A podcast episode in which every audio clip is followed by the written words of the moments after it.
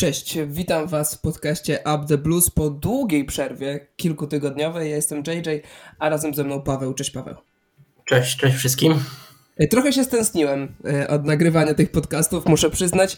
E, nie wiem jak ty, ale chyba też, bo stwierdziliśmy, że dobrą okazją do nagrania tego podcastu, znaczy kolejnego odcinka, nowego odcinka po przerwie, będzie mecz towarzyski z Aston Villą. I choć mecz nie ma chyba za bardzo co o nim gadać, to, to stwierdziliśmy, że się spotkamy i, i pogadamy o mundialu, bo pi piłkarze Chelsea grali na tym mundialu, większość z nich już wróciła do domów, więc myślę, że to dobry moment, żeby sobie tak podsumować, jak szło naszym zawodnikom, ale dobra, zacznijmy od tego meczu z Aston Villą. Jak ty w ogóle oceniasz to spotkanie? Trochę nijak, powiem ci, bo, bo nie ma co chyba też oceniać y, meczu tak naprawdę U21. Y, no jedyne co można skomentować to fajna akcja Hutchinsona z pierwszej połowy, naprawdę świetny strzał. No i kontuzja broi tutaj. No możemy się kłócić, y, ludzie mogą nie rozumieć mojego czy twojego zdania na ten temat, ale kompletnie bez, bezsensowne wejście broi. No i chyba na własne życzenie koniec sezonu, no bo to jak, y, jakie obrazki oglądaliśmy po, podczas właśnie jego jakby schodzenia z boiska i sam krzyk Armando sprawił, że, że raczej to jest chyba koniec sezonu. Miejmy nadzieję, że nie. Warto dorzucić jeszcze dla tych, co nie oglądali, że no Chelsea to nie był nawet mecz rezerw Chelsea, to był mecz naprawdę zespołu U21, do którego został wrzucony Pierre-Emerick Aubameyang, Armando Broja na kilkanaście minut przed tą kontuzją, Marco Correa i Jorginho. Miał grać Trevor Chalobach, ale z niewiadomych przyczyn najprawdopodobniej możemy się domyślić, że chodzi o kontuzję. Nie wyszedł w pierwszym składzie, choć na grafice meczowej był, ale e, został zastąpiony jeszcze przed pierwszym gwizdkiem przez e, Alfiego Geildkreista. Poza tym dużo, dużo młodych zawodników, takich, których myślę, że większość kibiców Chelsea nawet nie zna, bo to nie są zawodnicy, którzy e, byli w to są zawodnicy, którzy są właściwie przed debiutem w pierwszym zespole, bo oczywiście jest Omari Hutchinson czy Louis Hall, którzy gdzieś w tym świecie internetowym przynajmniej istnieją już w świadomości e, piłkarzy Chelsea, kibiców Chelsea. W przypadku Louisa Halla mówimy tu o zawodniku, który jest już po swoim debiucie, ale oprócz tego Humphreys, e, Brookings, e, Charlie Webster, czyli akurat też zawodnik, którego myślę, że większość z Was zna, no ale ławka rezerwowych to już jest e, myślę, że dla wielu osób kompletnie, kompletnie nieznany zespół. Malik Mothersile, Dion Ranki, Ben Elliot, Cezary Casadei, myślę, że tutaj bardziej znane nazwisko, tak samo jak Mason Barstow i dodatkowo Eddie Beach też myślę, że dla wielu postać całkowicie anonimowa, więc Chelsea ani w pierwszym składzie, ani na ławce nie miała zawodników, którzy na co dzień chociażby trenują z pierwszym zespołem. Nie było Risa Jamesa, nie było Fofany, to zawodnicy, którzy cały czas wracają po kontuzji. Nie było też um, Chukwuemeki, który też zresztą wraca po kontuzji. Nie było zawodników Chelsea, którzy podpadali szybciej na mundialu, więc to był taki sparring, który nam absolutnie, absolutnie nic nie pokazał, więc tak tylko apeluję dla tych, którzy nie oglądali, że nie ma za bardzo co się przywiązywać ani do wyniku, a, a jeśli chodzi o styl gry, to nie był taki zły, szczególnie w drugiej połowie. Myślę, że Chelsea dominowała, nie strzelała bramek, myślę, że to był średni występ Obameyanga, ale biorąc pod uwagę to, że Aston Villa grała pierwszym składem, a, to, a grała pierwszym składem i to myślę, że e, trzeba um, zaznaczyć, że właściwie no, wyszli pierwszym garniturem a potem jeszcze robili zmiany takie, że na boisku pojawiali się Archer, Inks czy, czy Chambers, czyli tacy zawodnicy, którzy też na co dzień grają w pierwszym zespole. E, więc tak naprawdę myślę, że z Paweł tutaj się zgodzimy, że nie było źle, nie ma co panikować, ale ten mecz jest naprawdę bardzo mało miarodajny. Jak ogólnie sparingi nie są miarodajne, to ten to już w ogóle. Dlatego myślę, że tutaj robimy kropkę i przechodzimy do tego, co działo się na mundialu. Piłkarzom Chelsea nie szło może na tym mundialu najlepiej. Mamy dwóch swoich reprezentantów w półfinałach, Hakim Ziyech i Mateo Kovacic. No i zacząłbym na początku od tego pierwszego. Paweł, Hakim Ziyech, Christian Pulisic. Pojawiają się głosy, że to są zawodnicy, którzy w kadrze grają lepiej niż w Chelsea i powinni dostać swoją szansę jeszcze e, w, w Chelsea i jest takie wręcz niezrozumienie, dlaczego oni grają tak dobrze w reprezentacji, a w Chelsea są już właściwie odstawieni na drugi tor. Co ty o tym wszystkim myślisz? No, no dlaczego? Dlaczego tak grają? No to dlatego, że po prostu w klubach są postaciami numer jeden i, i to chyba ich występy na Mistrzostwach Świata podkreśliły to, że po prostu do, do Chelsea tym bardziej nie pasują, bo, bo wszyscy wiemy, że u nas nigdy jakoś indywidualności nie grały i że, że po prostu nie ma osoby, która tak y, naprawdę znacznie się wyróżnia, która ciągnie ten zespół jak y, no właśnie jak Hakim Ziyech i Pulisic w reprezentacji.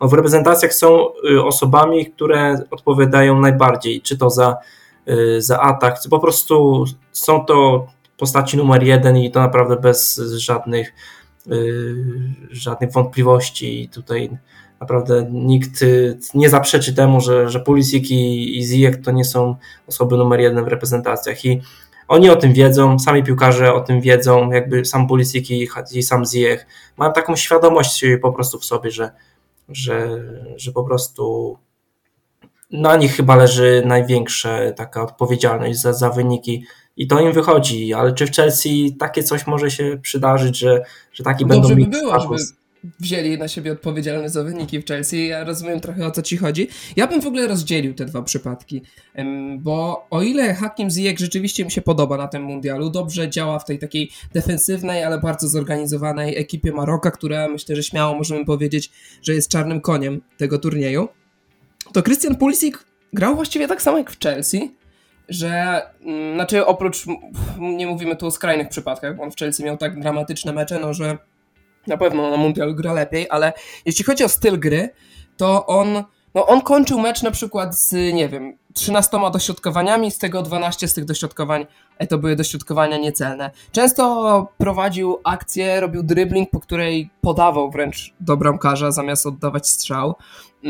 No, ja trochę byłem zaskoczony tymi pozytywnymi opiniami na temat Pulisika. Rzeczywiście jedną bramkę naprawdę dobrze wypracował jeszcze w fazie grupowej, Potem zaliczył fajną asystę przy, e, przy bramce bodajże Wrighta w meczu z um, Holandią, ale to nie był jakiś występ, znaczy ogólnie biorąc pod uwagę te wszystkie jego występy na mundialu, no nie wiem, czy to jakkolwiek może coś zmienić w jego karierze w Chelsea, bo um, nie, nie zaprezentował jakichś takich cech, z których byśmy go nie znali. Nie wypadł jakieś fantastycznie, nie pokazał jakiejś wysokiej formy. Wydaje mi się, że, że ten mundial nic nie udowodnił w kontekście Christiana Pulisika w Chelsea, a jedyne co udowodnił to to, że nie jest to przypadek, że siedzi na ławce. No, mi najbardziej w pamięć zapadł chyba mecz z Anglikami. Tam zagrał moim zdaniem nieźle, ale tak jak powiedziałeś i tutaj w 100% się zgadzam, że, że on y, nie pokazał czegoś innego, bo przy, przy okazji zjecha to widzimy naprawdę 3, 300% więcej zaangażowania, jakiś no, o wiele lepiej to wygląda i tam możemy być skłonni powiedzieć, że, że Ziyech powinien szansę w Chelsea może dostać, no ale przy, przy Pulisicu wyglądał o wiele lepiej, ale czy też trzeba było zagrać naprawdę niesamowicie, żeby, żeby wyglądać lepiej niż, niż Christian Pulisic w Chelsea, to tutaj też można y, rozmawiać na ten temat i mieć wątpliwości. Y, miał swoje dobre momenty, ale tak jak wspominałeś tego statystyki, y, te dobre momenty przekładały się też z tymi momentami bardzo średnimi i, i to jest Christian Pulisic po, po, prostu ogólnie i takiego Pulisika znamy, on w Chelsea nawet kiedy miał gorsze y, momenty, to też nagle powinien, potrafił coś, coś fajnego zagrać, ale czy to ten mundial w jego wykonaniu zmienia jakąś sytuację, jakąś sytuację w Chelsea? Wydaje się, że nie. Bardziej zmienił jego sytuację na rynku transferowym, bo, bo może ktoś się nabierze i uzna, że że zagrał lepiej i może, może się skusi go po prostu wziąć. No właśnie, a Ziyech podbił swoją cenę, czy, czy powinien dostać teraz? Czy wywalczył szansę e, do pokazania, do drugiej szansy, czy do trzeciej szansy w Chelsea? Wiesz co, nie wiem jak to będzie po, po powrocie z mistrzostw, y, po powrocie po prostu do, gry klubowy, do gier klubowych, y, jak z Bornów y, zagramy. Jeśli Ziyech zagra i tam dostanie, naprawdę zagra nieźle, no to może bym się skłonił, żeby jednak nie, nie odstawiać go aż tak, aż tak szybko, może mu się coś przestawi y, w głowie, ale bardziej jestem skłonny powiedzieć, że po prostu podbija swoją cenę. I tutaj kibice Chelsea, którzy nie chcą zjechać za wszelką cenę, w tym między innymi ja, nie ukrywam, y, no bo cieszę się, że gra dobre mistrzostwa, bo prędzej ktoś go kupi, no i nie zarobimy na tym marnych pieniędzy. Wiadomo, to nie są pieniądze, które chcielibyśmy zarobić za takiego piłkarza, jakim był między innymi w Ajaxie, no ale zawsze te kilka milionów więcej za, za każdy dobry występ zjecha, no to coś, coś, coś dobrego i, i z tego możemy się cieszyć. Też mi się powinien, tak dostać, powinien dostać jakąś szansę na pewno po powrocie z Mistrzostw Świata, żeby pokazać, czy on rzeczywiście się coś zmienił, czy, czy zmienił jakieś podejście, ale szczerze wątpię, że, że on jest w stanie. Tu nie chodzi nawet o samą Chelsea, moim zdaniem, Jay, tylko y, o to, że nie chodzi o to, że w Chelsea po prostu nie jest postacią numer jeden, tylko on po prostu tu nie pasuje do ligi angielskiej i, i chyba tu jest największy problem. Mi się wydaje, że, że, że podobnie, że nie ma on przyszłości w Chelsea, po prostu.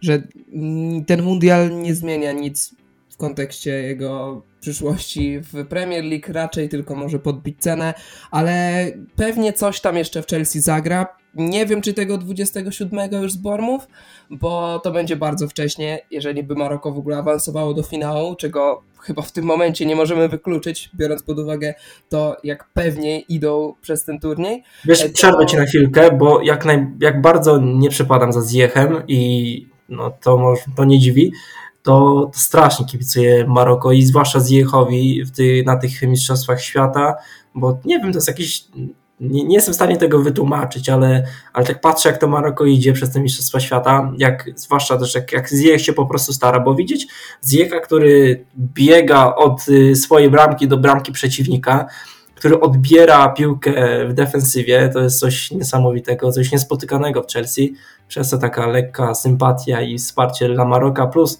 ja też uwielbiam wspierać, zwłaszcza na tych końcowych etapach takich niespodziewanych yy, graczy.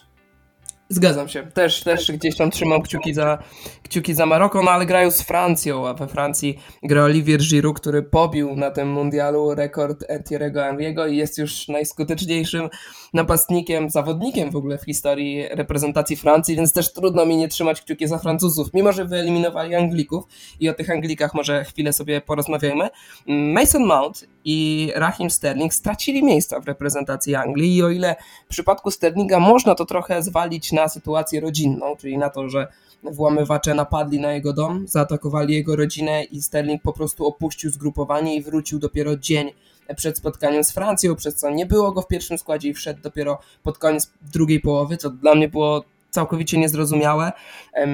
Phil Foden grał naprawdę średni mecz i wejście Sterlinga według mnie powinien, powinien wejść na boisko już w 60 minucie i jestem zaskoczony, że Southgate tak długo czekał ze zmianami. Wydaje mi się, że to też jest gdzieś przyczyna tej porażki, bo naprawdę Phil Foden nic ciekawego nie pokazywał, ale Mason Mount jego kosztem grał, wydaje mi się, że Jordan Henderson, że to gdzieś, gdzieś to była ta pozycja, gdzie wcześniej grał Mount, a potem właśnie kapitan Liverpoolu.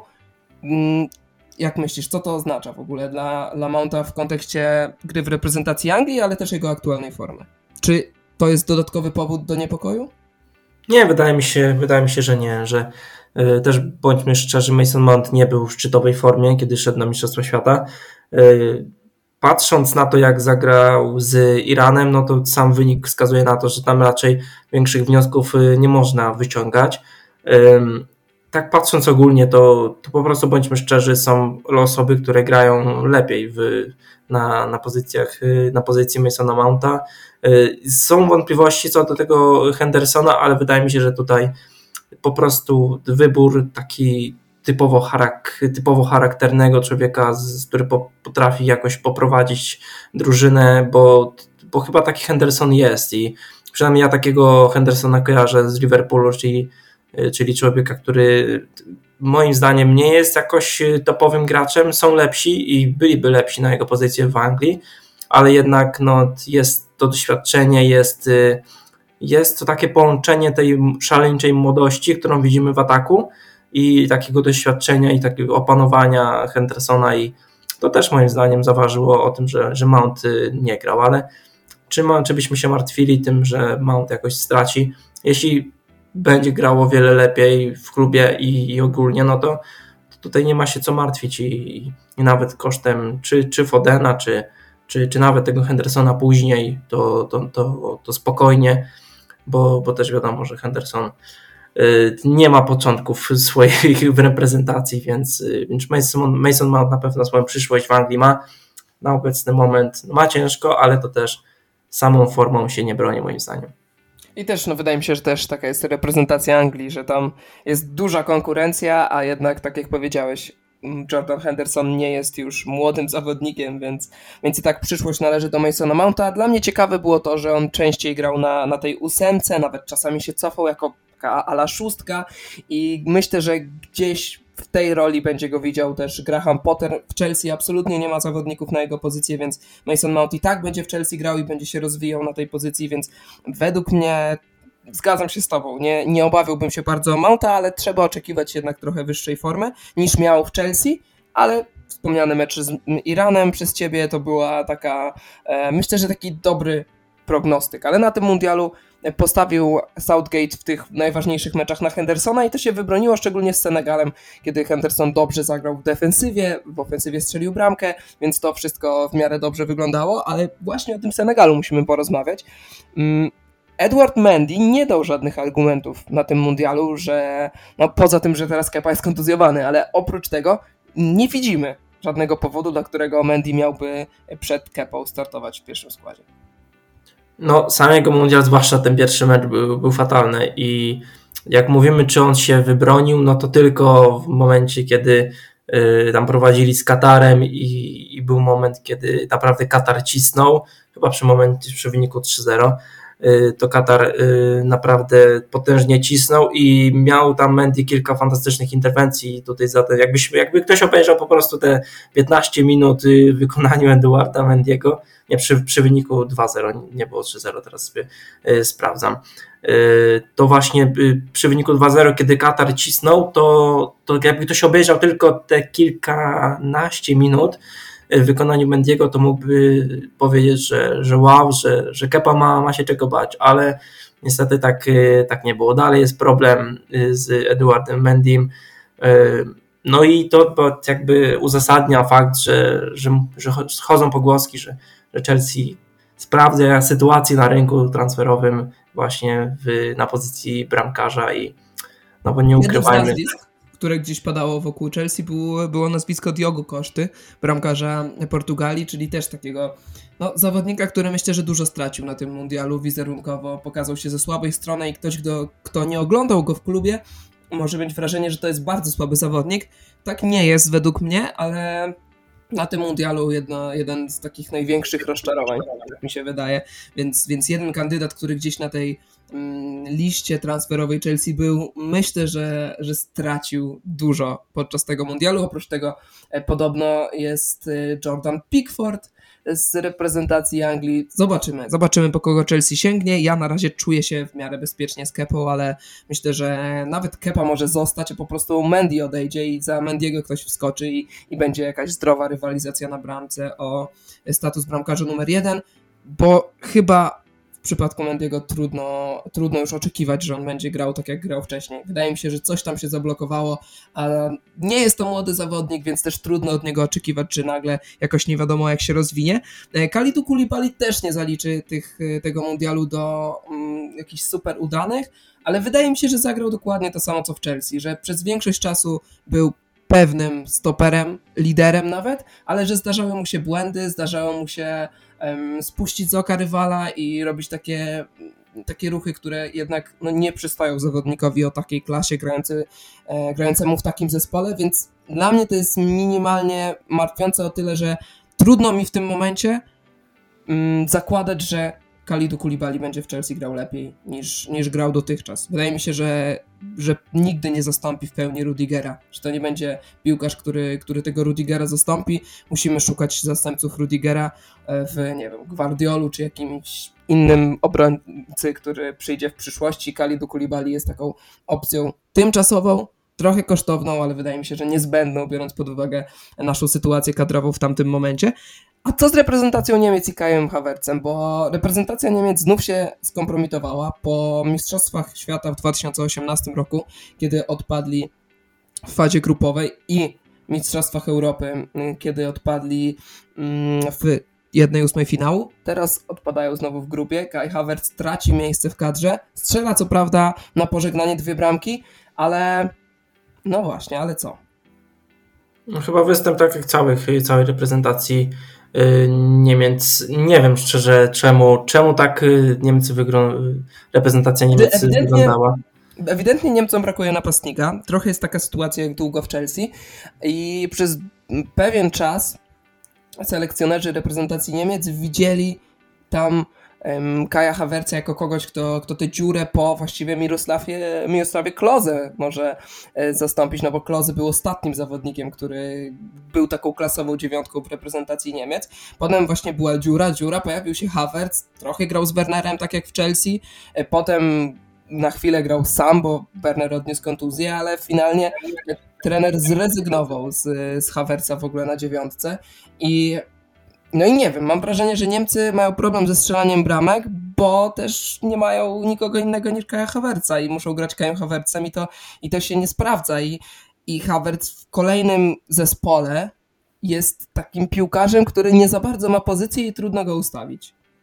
On ma pecha, Niemiec, y, tego nie można y, zaprzeczyć, ale nie wiem, ja nie śledzę aż tak bardzo reprezentacji Niemiec, ale jak patrzę na same nazwiska, to mam wrażenie, że oni przechodzą przez taki etap trochę, trochę nie wiem, jakichś zmian, czegoś, nie wiem jak dokładnie to nazwać, ale to jest taki, taki moment chyba tej reprezentacji, gdzie może oni nie są gotowi na, na takie oczekiwania, jakie są właśnie. Y, w stosunku do reprezentacji Niemiec, bo, bo niby remis z Hiszpanią 1, 1 do 1, no ale no później mecz, mecz z Japonią i, i nie wiem szczerze, jak, jak oceniać, bo, bo ciężko jest oceniać samego Kaja Havertza za, za występ w reprezentacji, no bo wiemy w jakiej sytuacji, na jakiej pozycji on tam był zmuszony y, grać. Może nie zmuszony, bo już trochę meczów na, na tej y, dziewiątce to Kaj zagrał, ale no dalej to nie jest jego pozycja, dalej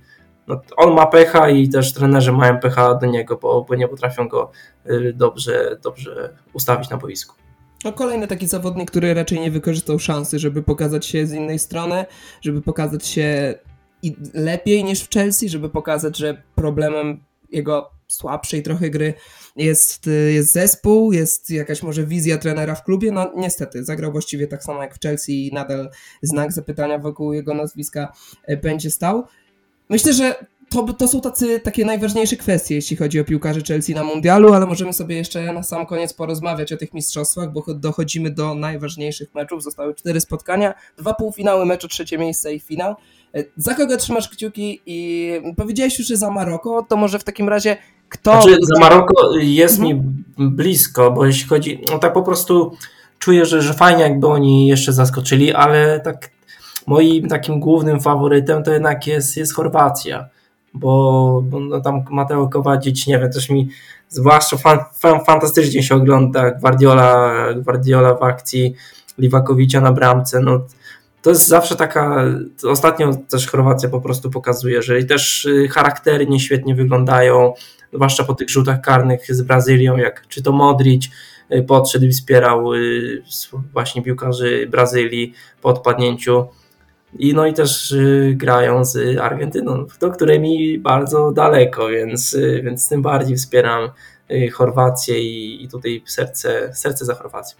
Właśnie, ja trochę mam tak, że e, Chorwacja ich bardzo lubię. Modric, oczywiście Kowa i jeszcze kilku zawodników Gwardiol, Liwakowicz, o którym wspomniałeś i w ogóle taki zespół z kraju, który ma 4,5 miliona mieszkańców, coś takiego, mm, tak dobrze gra, to zawsze takim, takim jednak mniejszym zespołom, takim, nie wiem czy czarnym koniom, bo trudno mówić o wicemistrzach świata, że są czarnym koniem, ale, ale zespołowi, który gdzieś ma małe możliwości, a robi duże rzeczy, się kibicuje. Oprócz tego jest Francja z Olivierem Giroud, dalej Maroko, które jest na pewno takim czarnym koniem i, i pokonało Portugalię, więc to są trzy zespoły, do których właściwie każdy jakby z tych zespołów wygrał, to, to ja bym się ucieszył. Ale Byle nie Argentyna, tyle, tyle. Bałem się, że wygra Argentyna, mimo wszystko. No właśnie, żeby, żeby nie wygrała Argentyna. Powiem Ci, że samą Chorwację to, to, to jest fantastyczne, jeśli chodzi o Chorwację, że, że oni nawet w momencie, bo to najbardziej jeszcze zaskakuj, bardziej zaskakujące jest w momencie, kiedy to środek sezonu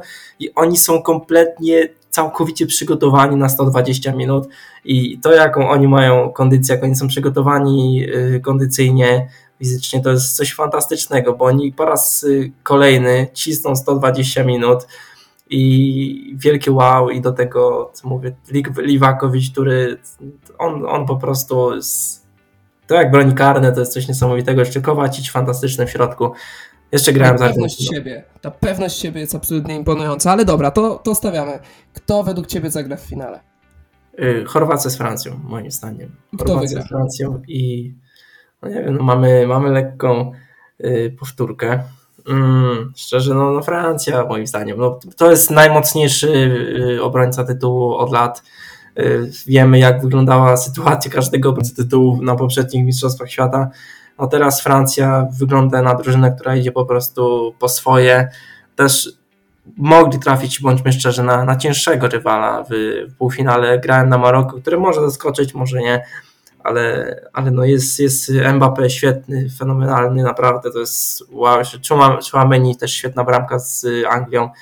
No i Giroud, którego nie da się gościa nie lubić. No, zwłaszcza, że jeszcze pobił ten rekord, bo, bo chociaż te dwie bramki no, w momentach, w których mógł nie strzelić tych goli, czyli z reprezentacją Polski i z Anglią. Y, ale, ale no, serce też za, za Francuzami jak najbardziej nie obraziłbym się dla Oliviera Giroud. Te Mistrzostwa Świata mogą być wygrane, bo, no bo fajnie to tak wygląda, że Francuzi znowu mistrzami świata, a, a tym, tym wszystkim też bardzo dużą cegiełkę dał y, Olivier Giroud, ale, a macie trzecie miejsce w takim razie, bo tam, tam trafia Argentyna i Maroko, y, więc obstawiam, że tutaj stawiasz na, na Argentynę. Czy myślisz, że Maroko będzie w stanie zakończyć ten mundial na, na podium? Nie no, za Maroko, moim zdaniem. To może zaskoczy. Ja absolutnie, Maroko nie jest y, faworytem w tym starciu, ale no, nie wiem, za Argentyną i tak daleko naprawdę do Argentyny i wiesz, można się spierać o te zachowania Argentyńczyków w meczu z Holandią, Yy, i tak dalej, ale nie wiem, jakoś mi bardzo daleko do, do tej reprezentacji, do, do stylu bycia Argentyny po prostu i niby fajnie by było, że Messi w końcu zdobył te Mistrzostwo Świata z reprezentacją, ale no, to może Ronaldo, Ronaldo się nie udało, trudno, to Messiemu też musi się, Messi też się musi obejść smakiem, a Ziyech musi sobie brązowy medal zabrać do domu. Ja, ja się obawiam, że nie będzie już niespodzianek. Niestety obstawiam, że do finału przejdzie Argentyna i Francja i że gdzieś pomiędzy tymi dwoma drużynami e, będzie się rozstrzygać, będą się rozstrzygać losy Mistrzostw Świata. Mecz trzecie miejsce Chorwacja, Maroko to też by była dosyć ciekawa sprawa, bo to by były dwie reprezentacje, dla których ten, to trzecie miejsce byłoby naprawdę ważne. A myślę, że gdyby Argentyna awansowała do, znaczy nie awansowałaby, przegrałaby w półfinale by były traktowane tak z dystansem i, i, mimo wszystko to by była taka nagroda pocieszenia dla nich, a dla Maroka i dla Chorwacji to by, był, to by było naprawdę osiągnięcie, to trzecie miejsce, więc według mnie nawet nie byłoby złym rozwiązaniem, gdyby w finale spotkała się Francja i Argentyna, pod warunkiem, że Argentyna nie wygra. tak, tak myślę. Może, może tak być, jak najbardziej. Tutaj stawiamy kropkę. Wracamy do Was po przerwie teraz, ale czy będzie kolejna przerwa? Raczej, raczej tak, ale niezbyt długa. Myślę, że w przeciągu tygodnia, dwóch się usłyszymy. 27 grudnia wraca, mm, wraca pre, znaczy 26 wraca Premier League, a Chelsea gra 27 i myślę, że nie będziemy czekać do tego meczu. Jakąś zapowiedź tej drugiej części sezonu, tej dłuższej, kluczowej, dużo ważniejszej części sezonu, kiedy Chelsea będzie miała okazję się odbić. Zrobimy. E, no a na dzisiaj to tyle. Cenu by Paweł. Dzięki Paweł. Dzięki, dzięki. Ja jestem Jay i do usłyszenia w kolejnych odcinkach. Cześć.